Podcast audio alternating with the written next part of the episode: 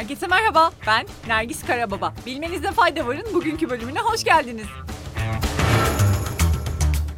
İngiltere'de 40 yıl sonra ilk kez çocuk felci virüsü görüldü.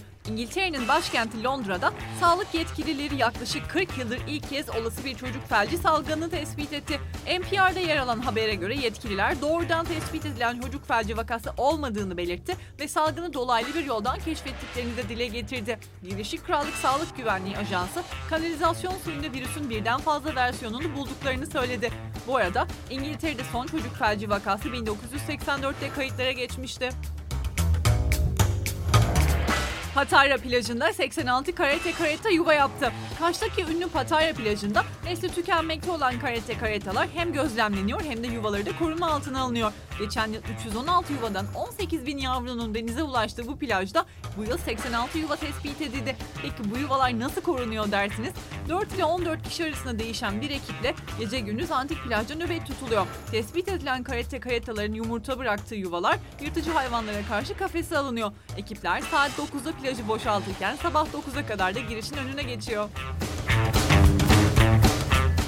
Uzay aracına güncelleme geldi. Artık Windows 98 kullanmıyor. Neden mi bahsediyorum? Hemen anlatıyorum. Avrupa Uzay Ajansı'nın Mars yörüngesindeki uzay aracına 19 yıl sonra büyük bir güncelleme geldi. Yapılan açıklamaya göre Microsoft'un piyasaya sürdüğü Windows 98 işletim sistemiyle geliştirilen yazılımda yenilenmiş oldu. Bu yazılım güncellemesiyle Mars Express'in daha iyi bir performans göstermesi hedefleniyor. Mars Express ne derseniz de şöyle açıklayayım. 2003 yılında fırlatılan uzay aracı yıllardır Mars'ı izliyor ve yörünge aracında Marsis adlı bir radar var. Bu da su aramak ve atmosferi incelemek için Mars yüzeyinden yansıyan düşük frekanslı radyo dalgalarını kullanıyor. Yine bu araç sayesinde bilim insanları Mars'ın haritasını çıkarabiliyor ve kayaların özelliklerini inceleyebiliyor. Abone sayısı düşen dijital yayın platformu Netflix çoğu ABD'de yer alan 300 çalışanını işten çıkardı. Söz konusu 300 kişi iş gücünün %4'üne denk geliyor. Netflix CEO'su Ted Sarandos ciddi yatırımlar yapmayı sürdürürken harcamalarımızın yavaşlayan gelir artışımızla uyumlu hale gelmesi için bu düzenlemeleri gerçekleştirdik dedi. Bildiğiniz anlamda Netflix'e reklam eklemeyeceğiz. Fakat daha düşük bir fiyat istiyorum, reklam da izlerim diyen kişiler için bir reklam katmanı eklemeyi planlıyoruz da diyen CEO bu sistemin nasıl işleyeceğine dair detay paylaşmadı. Yılın ilk çeyreğinde 200 bin abone kaybeden Netflix'in abone sayısında 10 yılı aşkın süredir ilk kez düşüş yaşanmıştı. Japonya hükümetinden 37 milyon kişiye gereksiz ışıkları söndürün çağrısı geldi. BBC'de yer alan bir habere göre Japonya hükümeti sıcak hava dalgasında başkent Tokyo ve çevre bölgelerde yaşayan vatandaşlara daha az elektrik kullanma çağrısında bulundu. Bugün Ekonomi, Ticaret ve Sanayi Bakanlığı da yaptığı bir açıklamada enerji talebinin aşırı şekilde artmasını beklediklerini duyurdu. Bakanlığın açıklamasına gereksiz ışıkların söndürülmesi ancak sıcak çarpmasına karşı klima kullanımına devam edilmesi tavsiyesinde de bulunuldu.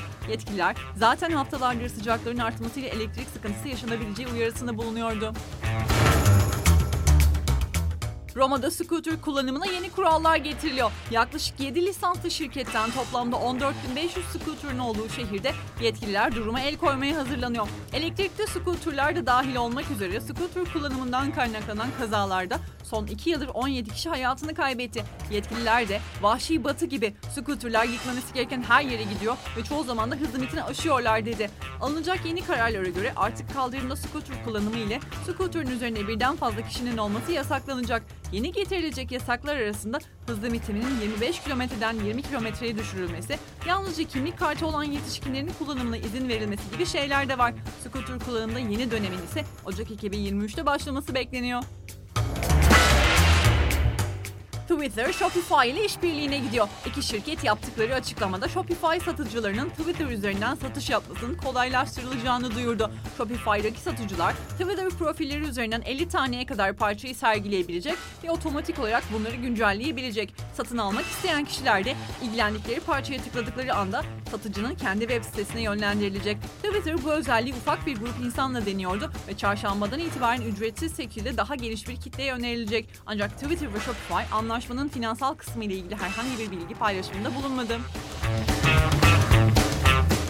The Wall Street Journal'da yayınlanan bir habere göre Amazon Prime Day satışları ivme kaybediyor. Verilere göre online alışverişin satış büyümesinde yavaşlama var ve tüketiciler eskisi kadar sipariş vermiyor. Amazon'da Prime Day etkinliklerine geçmişte olduğu kadar yatırım yapmıyor gibi görünüyor. Çoğu indirimde şirketin kendi ürünlerine yoğunlaşmışa benziyor. Yine verilere göre elektronik eşyalar dışarıda tutulduğunda çoğu parçaya uygulanan indirimin Amazon'daki diğer günleri geçmediği görülüyor. Amazon tarafından ise Prime Day ile muazzam başarı görmeye devam ettiklerine dair bir açıklama geldi. Peki Prime Day bu yıl ne zaman? Prime Day bu yıl 12-13 Temmuz'da gerçekleşecek. Bugünlük bu kadar. Yarın görüşmek üzere. Hoşçakalın.